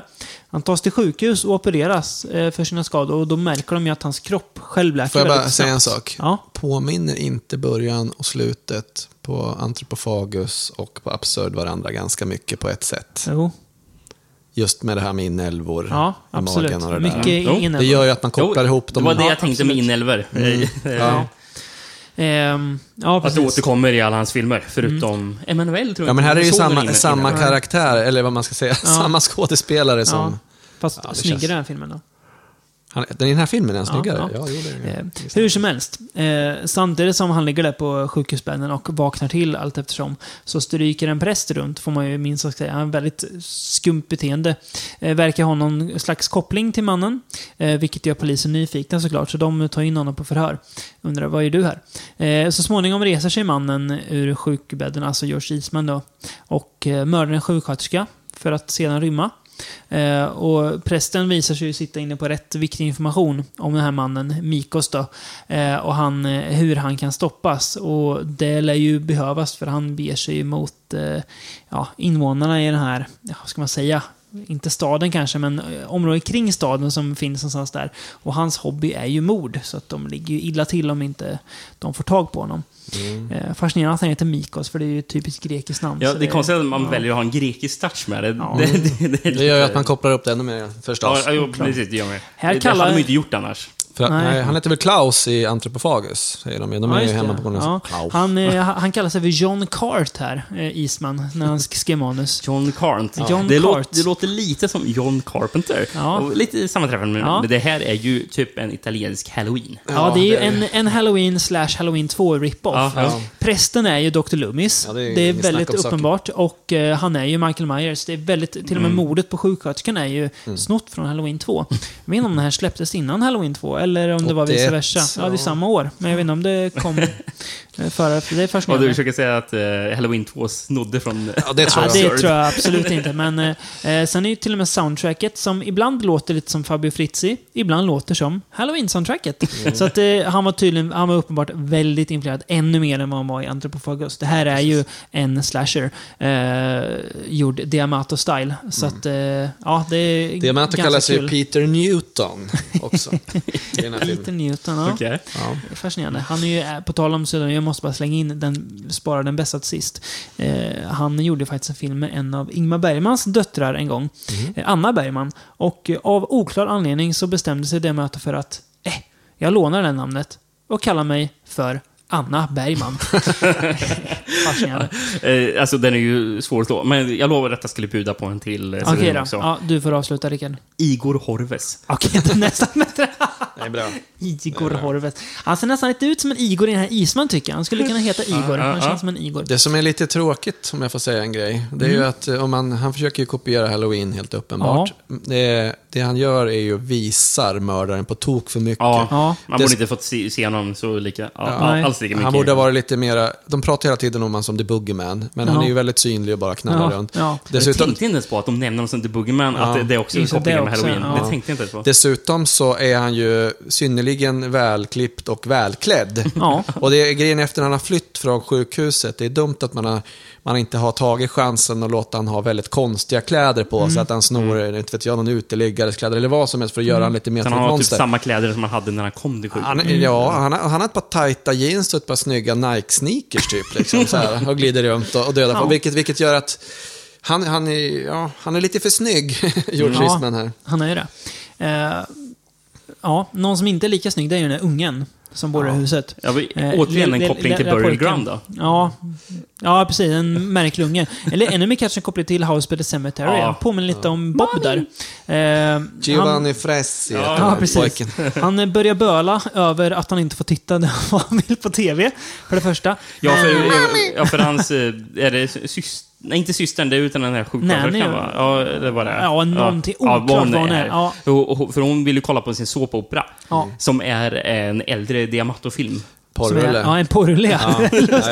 Jag tror Det att de har dubbat, jag tror de har lagt en annan dubb på det. fascinerande. Men alltså, me- mellan eh, Diamato gjorde Anthropophagus Absurd så gjorde han fem porrullar. M- Och de här två skådespelarna är ju med där i dem. Mm. Och de är ju de är också med och har det, har det sköj i eh, Porno Holocaust, de här två skådespelarna också. Så det var ju några av dem han jobbade mycket med. Så han tog förmodligen en scen därifrån. Mm. Ja, han pojken. Casamir Berger, Mm. syster med, eller bror med Katja Berger som, som spelar den här eh, sängliggande dottern i familjen. Ja. Och de är, ju, de är ju barn till William Berger. Jaha, som gjorde, jaha. skådisen. Ja, han som gjorde massa spagettivästern. Ja. Faccio i Faccio, Solima och Chioma Ja. och Sabata och allt sånt där. Vill någon bara för, Missar jag någonting? Varför är hon sängliggande? Hon har ju skadat ryggraden. Jaha. Men de säger ju läkarna att eh, hon ligger kvar eh, på grund av att det är mer psykologiskt nu, för hon borde kunna upp och röra sig. Ja, okej. Så det förklarar varför hon helt plötsligt kan springa omkring. Ja, hon måste helt enkelt. Ja. Mm. ja, då Och är, det någon, är det Ja, någonting man kan säga att, man, att det finns ett starkt slut i en film som är ganska brutalt så den här Vi ska filmen. inte spoila det, för det, då förstör vi. Men det, ja, det här i slutet är ju eh, bäst i filmen alltså. Jag tycker ju egentligen som helhet, Fint slut. jag tycker, jag tycker att Anthropophagus är roligare att titta på. Och, Ja. Men den här, som helhet är den här filmen lite jämnare och lite, lite, Jag lite med. bättre. Fast den här är den också... seg. Den är lite, den Här är, den är, en den är lite film. för enkelt staplad Det här istället. är väldigt seg bitvis. För- När han rymmer från sjukhuset fram till han kommer till deras hus, då är det segt alltså. Det händer Det är lite segt när man ska hålla på och kolla på amerikansk fotboll och... Oh. Bra Rickard! Tänkte du på att när de kollar på amerikansk fotboll så har de klätt upp sig i värsta finkläderna för att kolla på en amerikansk fotbollsmatch. Det är som att... jättekonstigt. Men det är, det är alltså... och, och det är flera gånger de nämner det. Alltså, om någon film, Ja. för den här filmen ska utspelas i USA. Ja, helt- Den övertygar mig inte Nej, alls nej, om nej, Helt film. Alltså, det det här känns ju... så jävla italienskt gör det. Ja, det gör är, det. Det Ja, italienarna som försöker att göra vad de tror. Eller, ja, han försöker visa hur amerikaner är på något sätt. Ja. Liksom, det han tror amerikaner är. Ja, man har Det ingen är, aning. det är så oamerikanskt. Ja, det är det. Nej, det är Eh, men, könsskrik italienskt. ja, men alltså, alltså redan väldigt tidigt, då polisen eh, stöter på prästen då, Mm. eh, som spelas av Edmund Purdom. Ja, från Just Pieces. Just Ja, just det. Ja. Eh, Eh, så, vet ni, så säger vet ni, polisen till honom, eh, Do you like football? American football that is. Ja, ja, visst. Ja, men det är ju för att han är grek. Han bara, du, ni, ni håller väl bara på med sånt här europeiskt skit liksom. Ja, men det, det är så konstig grej att säga. Ja, Det är så jävla kul att de, att de gör värsta fin, fin middagen, klär upp sig och dricker drinkar för att kolla på amerikansk fotbollsmatch på en jävla sunkig gammal liten TV. Ja, det, det tycker jag var kul. Det- precis innan vet när polisen frågar honom, utan då kommer det ju ett motorcykelgäng och åker Ja, runt Edmund, Edmund Purdom då. Där en av motorcyklisterna spelas av eh, Michel Suavi. Mm. Ja, precis. En, Ganska- som, som du sa, har eh, Diamato att tacka för sin Ja. karriär. I, Ja, men det- i- Jag, i ju på en, jag på intervju med Suavi där och han var ju extremt tacksam Ja, han till hyllade Diamato. honom han, väldigt mycket. Ja, han Mm. pratade ju Han om fick väl hänga han kvar var. på inspelningen. När han, Ja. Även när, när han var Han var ju där klar. varje så, dag, Han var ju bara en statist var han ju. Ja, och sen så visst. den här stannade han kvar. Ja, och sen liksom så tog, tog Diamato liksom. han under sina vingar liksom. Och, så, Och sen blev det stage fright. Precis, som jag gjorde under- i hans bolag Film Mirage va? Ja, Eller? precis. Ja, Jag han tror nästan det. Och det är, det är väl eh, Eastman som har skrivit manuset till Ja, där är den, va? Aquarius som också Ja, heter. ja, Mm. precis. Precis. Visst är det så. Eh, En annan rolig grej. Eh, du nämnde ju Edmund Purdom som är med i Pieces och Don't Open Till Christmas och lite grann. Som är liksom filmens Loomis. Det finns en till koppling till Pieces i den här filmen. Det, det, det är lite roligt. De har på musik när, i bakgrunden när eh, de håller på och, och bråkar om tv-kanalen med den lilla pojken och grejer. Då spelas samma jävla galna trumpetlåt som de, spelar, som de lyssnar på, i, eller som mördaren sätter på på hög volym Ja. i, i Pieces när, när han mördar i omklädningsrum och sådär. Jaha, Samma okej. låt. Det, tycker jag var, det tyckte jag var skumt. Ja, Ja, det var ju väldigt... eh, Det är samma spår där, fast eh, ja, ändå inte släkt besläktade. Ja, nej, det var bara en rolig liten grej. Mm. Ja, favorit i Diamato hittills då? Antropofagus, säger jag. Antropofagus. Ah, Beyond the Darkness. Ja, jag jag tror jag nog nästan är min favorit. Jag alltså. köper det, Kristoffer. Ja, köper men jag, jag håller ju Absurd och Antropofagus högt också. Alltså. Ja, det är ju Kul. på tal om att minnas filmer fel. Du sa förut att vi ogillade eh, Beyond the Darkness förra gången. Jag minns ju Absurd som en riktig sunkrulle. eh, så den var ju bättre än vad jag minns den som. Men eh, ja, den är ju väldigt enkel, men den, är, ja, den har sina sköna stunder den också. Ja. Eh, Den här podcasten har gjort oss till bättre människor helt enkelt. Måste vara det. som Vi alla poddar, men kanske det här mer än någonsin. Om, om, omvärderar. Sen kan det ju vara att de här, eh, i alla fall de tre senaste filmerna vi har pratat om, finns utgivna nu på Blu-ray. Och man kan se dem kanske i i en bättre... Mm. Ja, man ser en Bättre sunkig än, liksom... än vad de förtjänar kanske. Lite grann Ja, nästan. nu håller ju 88 på, de håller på att skicka ut nu den restaurerade versionen av Antropofagus som vi inte har fått än, men Nej. som kan bli kul. Den är ju skjuten på 16 mm så det kan ju aldrig bli helt super. Det kommer vara lite kornigt då också. Mm. Men eh, kan man restaurera Texas Chainsaw Massacre till 4K så kan man nog göra något vettigt Ja, av jag tänker det Anthropophagus också. Ja. Det går nog. Ja. Ja. du sa att vi skulle bli bättre människor, Rickard. Eller att vi har blivit det. Ska vi, ska vi tvätt, tvätta bort det här bra från oss och bli, då, och bli dåliga människor igen? Vi ger oss ut, Onkel Jess eller? Ja, är det, är det han vi ska prata om? Unkel. vi ger oss ut på ett mörkt uppdrag i Dark Mission. Från eh, det gyllene året till 1988, Nu måste om jag får säga det själv. Och som ni hör så behöver eh, vår kära Börjar stärka mig, jag kan dö. med, medpodden en styrka då där för att klara den här filmen. Um, får, får jag bara nämna lite snabbt om eh, Diamato? Ja, In- in- absolut. innan, vi, innan vi släpper honom Innan vi hållet. går in på smutsen. Ja. Eh, eh, för det här var ju den sista av, eh, kronologiskt sett, av Mm. de filmer vi pratade om. Uh, Diamato började med sitt filmbolag Film Mirage Mm. eh, i samband med Antropofagus som var den första filmen han släppte Mm. på det här Ja. bolaget. Och han gjorde film under det här bolagsnamn fram till 92, tror jag Mm. det var. Eh, låt mig bara dubbelkolla så jag inte ljuger Jo, helt och men, jo, hållet. men den och sånt ja. Eh, Början av 94. Tidigt, ja, tidigt 90-talet. Ni- ni- 94. Mm. Eh, och det sista filmen han gjorde, vad hette den? China and Sex, som en rip-off på den kines- Hongkong-filmen Sex and Sen, som blev en stor hit. Ja, Ah, Okej, ja. Några andra coola titlar som han gjorde var Ghost House med Lenzi, Deleria med Suave. Bra. Hans första var det väl, ja. ja. Deleria, är inte det Stage Fright? Jo, det är samma. Det, det, ja, det är Stage Fright. Ja, det är ja. det Aquarius Stage Right. Ja, just det. Precis. Troll 2, Fragasso. Just Troll det. 3. Ja, förmodligen. Ja, just det. Det är väl han som har gjort den va, till och med, tror jag. Ja. Det, eller ja, han Det, det är jätteotydligt det där Ja. med credits, om han verkligen har regisserat Ja. den. Vissa säger det, vissa säger det Ja, det- inte. Ja, det är svårt att veta alltså. Jag tycker att vi, vi kan ge han cred för den. Och, och det är väl anledningen till att det blir så svårt att veta om han har gjort Mm. det. Det är ju på grund av att han hade så otroligt många pseudonymer. Frågan är ju så här, kan det vara så att han hade någon mer pseudonym som, inte inte är känd och att Precis. egentligen var Diamant som gjorde det? Ja, det vet ja. man inte. Nej, inte Det är helt omöjligt. Och sen har jag förstått det som att eh, vissa filmer som under åren sades vara Gio D'Amato-filmer Mm. på grund av att det var någon annan regissörs pseudonym som var väldigt lik hans pseudonym. Mm. Så därför har man hela tiden trott att det var han som gjorde den, men det var Mm. någon annan. Men han hade ju fingret med lite här och där. Alltså, så är det. ju. Fragasso kallar jag han för Italiens Corman. Liksom. Ja, han, just det. Mm, han var bra. det köper man. Ja. Fast det känns ju som att det var många personer som skulle kunna kallas för Italiens Corman egentligen. Ja, men just Ja, att men just att produ- producera liksom, och Mm. ligga bakom på så många olika sätt. Liksom. Ja, men när vi kommer in på 90-talet, även kanske lite innan där, men han slutade ju göra eh, skräckfilm. Vanlig- eller Eh, van- vanlig film överhuvudtaget, typ. överhuvudtaget. Och sen gjorde bara italiensk eh, hårdpornografi Mm. istället. Jag tror väl att Laura Gemser jobbade med han sista gången 92, tror jag. Ja. Ja. Laura Gemser var ju även för övrigt med och eh, på Troll 2. Hon är hon som gjort eh, costume designs Ja, Just ja. Troll 2. Eh, Och även eh, då till Ator 4, Ja, där som man bara har återvänder en. Troll Ja, precis. 2-dräkt där. Man var nära vänner. Ja. ja. men det han gjorde på 90-talet sen, så, ah, Nej. han verkar inte riktigt bry sig mycket mer Nej, om... eh, vet precis. den här- Som stor del av italienska filmmaskinen så gick det väl inte pornografi. Det fanns inga pengar i, Nej. i gjorde han bara film med Rocco Siffredi på 90-talet. Han har ju faktiskt gjort den som heter Tarzan X. Den Yes. som är kanske Roccos kändaste rulle. Den Det är ändå lite Tarzan. coolt att, eh, att det är det Mats som gjort den. Jag vet inte vad det, vad det säger om eh, mitt användande av ordet Men de säger, de säger, om vi får prata lite pornografi, så, så push, pushade... Ja, det här låter vi dig, dig hålla i, Kristoffer. Alltså jag gillar Det här det. blir Det, det finns med i den Man säger- podcasten här.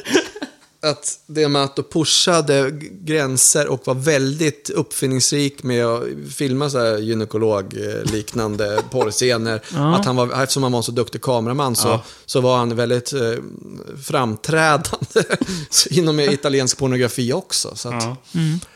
Ja. han var en speciell mångsysslare. En pionjär. Ja. Han ehm, avled väl sen 99. Mm. Ja, eh, ganska plötsligt och Mm. oväntat hjärtattack där. Som sägs vara efter att eh, en film han hade gjort skulle skeppas till eh, tillbaka till Italien från USA, men eh, kom aldrig fram. Och då blev Mm. han så stressad att han fick hjärtattack och dog. Ja. Ganska sjukt att han... Men jag tror de nämnde någonting tidigare om att han Porren hade... dödade honom. Ja, men, men men jag har för mig att vet när George Eastman även pratade om att det var någon session tidigare, under, det kanske var redan under 80-talet, Ja, som också var att han hade problem med hjärtat Ja. och han blev väldigt stressad av, Mm. eh, av, av någonting. rökte Ja. väl säkert som en, eh, en eh, jävla skorsten också. Men, men, men det är en intressant grej, efter- eftersom efter jag sett de här filmerna och så har jag läst lite mer i det Matt, och, Mm. och så... Jag har alltid haft en bild av honom, ja, dels som en snusgubbe. Eh, och- Du, jag vet och- att du och- säger i en podd för, för länge sedan, sa du så här, D'Amato, han har jag inte mycket till övers för, säger Rickard. Nej, men, nej, men jag, jag har alltid fått för, för mig att han var en snusgubbe och att han var rätt så, så här, eh, Jag vet inte varför. Eh, jag, har fått, Dålig, ja, men, men jag har fått en bild av att han var så här, otrevlig. Så här. Ja. Helt fel bild Ja, av honom, för varenda vet, den här intervju jag har sett med Mm. skådespelare och sådana som, som samarbetar med honom säger ju att han var den snällaste personen man Ja. hade jobbat med. Jättegod. Eh, han, han, han kunde vara väldigt sån här hetsig och så, vet Ja. här bakom kameran. Men det var bara hans alltså, sätt att få skådespelaren att göra vad han skulle göra under, under inspelningen. Men att han var ju hur snäll som helst. Mm. Han, typ. Han hade Och- varit asshole så hade han nog inte hängt kvar i branschen i så många Nej, år och varit så nej, framträdande nej, person. Precis, för alla pratar bara gott om honom. Och, eh, och jag tror det är sant med tanke på att ofta när man ser såna här intervjuer med italienska skådespelare så här, Ja. brukar vara rätt så ärliga Ja, men med, väldigt med Ja, ja, det är de ju. om folk. Så när, när någon säger att han var en bra person så tror jag också på dem faktiskt. Precis. Ja. Eh, ja. Säkert. men Någon som, eh, en bra person då? en bra person, det är jag ju ändå, Jesus, Jesus. Franco. Eh, som väl Älskvärd. till och med slår Diamato på fingrarna med sina 195 filmer, eh, som jag väl gjorde närmare 200 va? Eh, och det här känns ju konstigt att säga, men han gjorde nog inte lika mycket porr. Det är väldigt sällan man kan säga att, att, Fra, att, att Franco har gjort, gjort mindre porr än någon annan regissör. Men Diamato tar nog priset tror jag, för eh, att ha gjort mest porr och även varit en, ska man säga, vanlig regissör. Ska vi bara köra en tävling här om jag söker på Jess Franco? 203 filmer på IMDB. 203. Ja, Ja. För jag tror IMDB även räknar med porren, tror jag de Ja. gör Ja, det faktiskt. tror jag. Eh, Och sen så söker vi på Joe D'Amato här. Eh, 195. Spännande här. 195. Ja. Mm. Grattis, Jess. Eh, Sen så är det ju det där med aliasen också. Vem, vem vet vem, om det stämmer? vem gjorde Vem vad? Vem gjorde vad? Precis. Vem som IMDB, är, IMDB är ju inte komplett som man ibland vill Nej. l- lura sig till. bara men- nästan. Eh, vem som gjorde vad på Dark Mission kan man ju undra. Regi stod i alla fall eh, vår gode vän Jesus Franco för då. Eh, under eget namn faktiskt. Inga roliga pseudonymer här. Utan eh, Jesus Franco, rakt av. En... Eh, ja... Nu ska det bli kul att höra 88. David dra igenom synopsisen på den här filmen. Jo, du förstår ju så. För att eh, här har vi Christopher Mitchum då, son till Robert Mitchum, Japp. som spelar en CIA-agent. Som, eh, han går undercover som reporter för att ta sig an en eh, kommunist som eh, man tycker utgör ett hot mot USA. För han skeppar ju knark rätt in i de fina eh, imperialistiska staterna. Då. Så han drar ju till Kuba för att plocka ner den här snubben. Eh, det blir ju inte enklare av att eh, han eh, kär ju ner sig i en brud som visar sig vara dotter till den här knarklangarkungen slash kommunisten. Spelad av Christopher Lee för övrigt då. I en väldigt loj roll. Eh, blir, han blir även hårt pressad av andra krafter i landet. Oklart vilka det är. De eh, tar in honom i mörka rum och lyser i lam- en lampa i ansiktet på Det är honom. motståndsrörelsen Ja, mot typ. knark. Och säger att eh, du ska inte stoppa honom. Det är, men det kommer ingen knark till USA. Så han tvingas ju välja att tänka, ska jag ändå kämpa mot den här snubben och göra det rätta? Men det blir inte lätt. Ja, Det är en skamlös propagandafilm där känner jag lite grann. Men det är, jag tror att han försöker fiska efter amerikanska videomarknaden och grejer. Han säger sådana saker som att Che Guevaras old henchman Ja. poisoning the American youth. Liksom så här. Det tycker jag Ja, sitter är lite, roligt. lite illa. Men det är klart, ifrån- Frank, ja, han var ju från Spanien och hade sett Ja. Franco-regimen jag och har sådär. Levt i, i den till och med. så det är klart, för han var det väl inte så farligt. Nej. Eh, Det här är ju typexempel, Rickard, innan du säger på en sån här film som du och jag ibland pratar om. När vi, det räcker att det har gått fe- fem minuter av filmen och så är vi förlorade. Jag har får ju- ingen aning vad som jag får, jag får kämpa med vad det handlar om, och det här är ju väldigt lösryckt. Jag, det är liksom... Man... Eh, Det som är Alltså- tråkigt är ett bortvättat allt som är kul med, Ja. med Yes. ja, med Franco ja. Ja. Det är inte snyggt. Nej, och Det, det, är inte bra musik. det är ingen jazz. Det är inget slis. Nej, det är ingenting sånt Inga alls. dumheter. Det är bara tråkigt. Ingen Och- lina. Nej, ingen Iller Romay, ingen Howard Vernon. Istället får vi Christopher Mitchum som är fan åttonde gradens okarismatiska träblock alltså. Ja, är jag har inte sett en skådis på länge gå in med så lite energi i en roll alltså. Det är lite kul för att de beskriver han i början, eller rättare sagt hans Ja. chef, eller vad det är, Richard Harrison spelar han. Eh, och beskriver han som en drunk och en womanizer. Ja. Och han gör ingenting sånt i hela filmen, han super är omkring och bara glor han och ser tråkig ut. Alltså det är en jävligt kul scen då Richard Harrison spelar över som fan. Ja. Han Flera gånger så bara “You're drunk” and you're a womanizer. Och, vet ni, här, och sen så vet ni, tror man att han ska säga något mer och sen så typ stannar filmen. I hate you. Och sen så, ja precis, I hate you. Och sen, och sen igen bara “You're a drunk and a womanizer” upprepar han fast skriker ännu mer. Och sen bara eh, “But, but we need you. You're the one, only one that speaks, speaks Spanish”.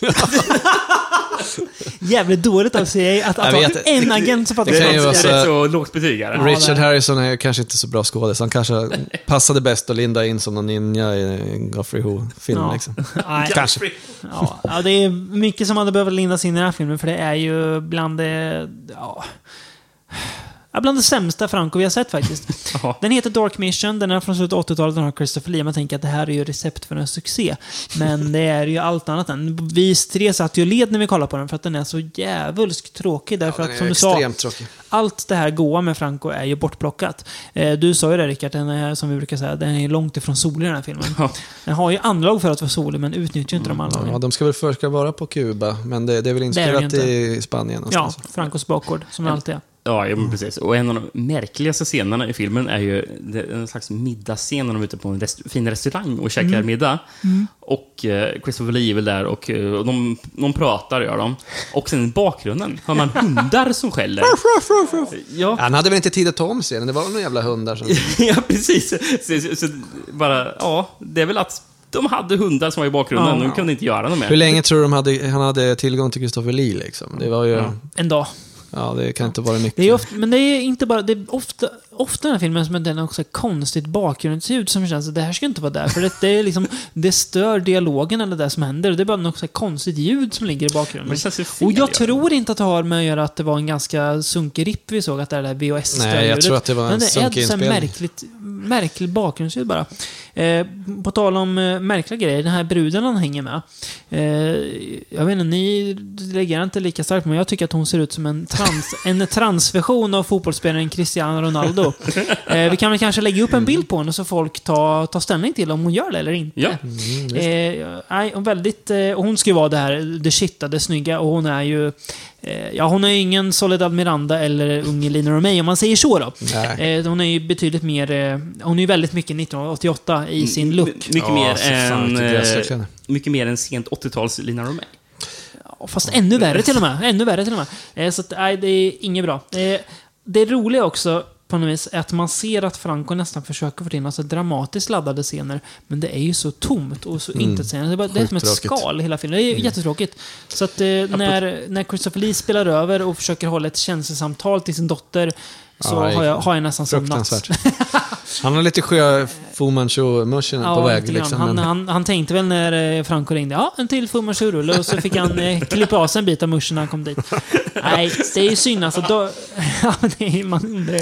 Något annat som är lite märkligt, det är Ja. ju den här datorn. ja.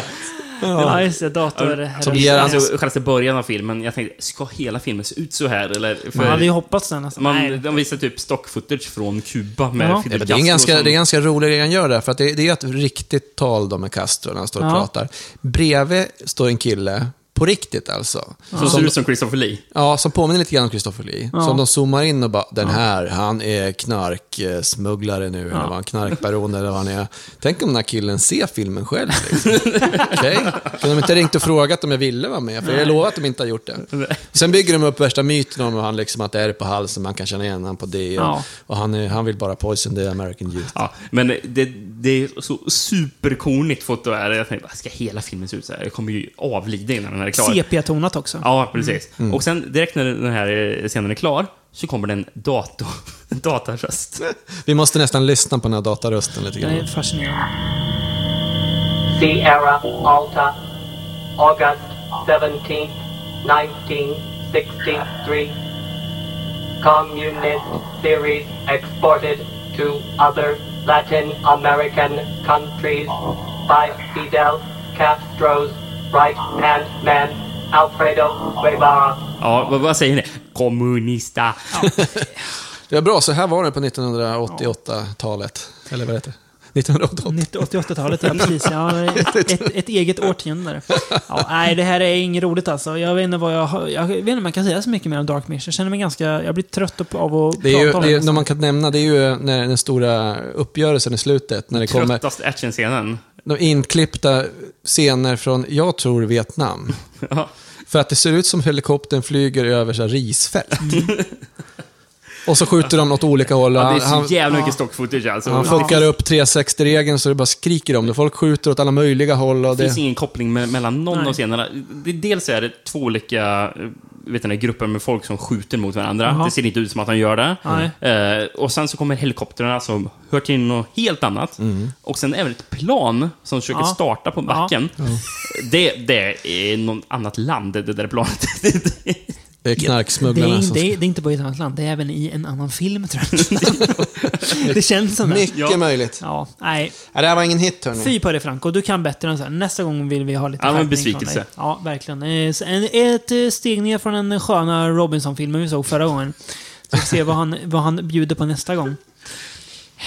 Ja, det var ingen talande apa, tyvärr. Nej, det var inte det. Ja. Det var inget som var kul alls nästan. Nej. Faktiskt. Eh, kul har det ju ändå varit att ha med dig igen, Kristoffer. Mm. Vi syns om tio avsnitt. Eller något. ja, det lär väl kanske bli något sånt. Vi får väl se. Vi jobbar ju på ett bra tag nu med podden, så det kanske Ja. blir något sånt. Absolut. Eh, får se vad vi hittar på att prata om då. Vi har ju många goda idéer. Mm. Eh, för er lyssnare, verkligen. Du, du Rickard, så här så ligger vi och pumpar in nästan eh, ett, ett nytt avsnitt om dagen vad vi ska göra. Så det, ja, Det finns mycket, tusentals. Jag mycket jobbar film hårt på så. Det är fint det. Eh, men eh, tills Fast vi vet så... inte vad vi ska prata om nästa avsnitt va? Nej, det får bli en är överraskning. Både för lyssnare och för oss. Men Ja. eh, det blir något eh, mysigt. Tyvärr inte så mycket Diamato kanske, men det, det har ni fått nog av nu. Så att det, det räcker nog för ett tag framöver kanske. Men apropå idéer så har, jag, har vi flera avsnitt framöver där vi i alla fall ska klämma in någon Diamato-film. han kommer tillbaks. Han kommer tillbaks. Absolut. Gött. Eh, så det blir fint. Så tills eh, vi hörs nästa gång så säger jag tack för mig. Adjö. Ja, tack, tack.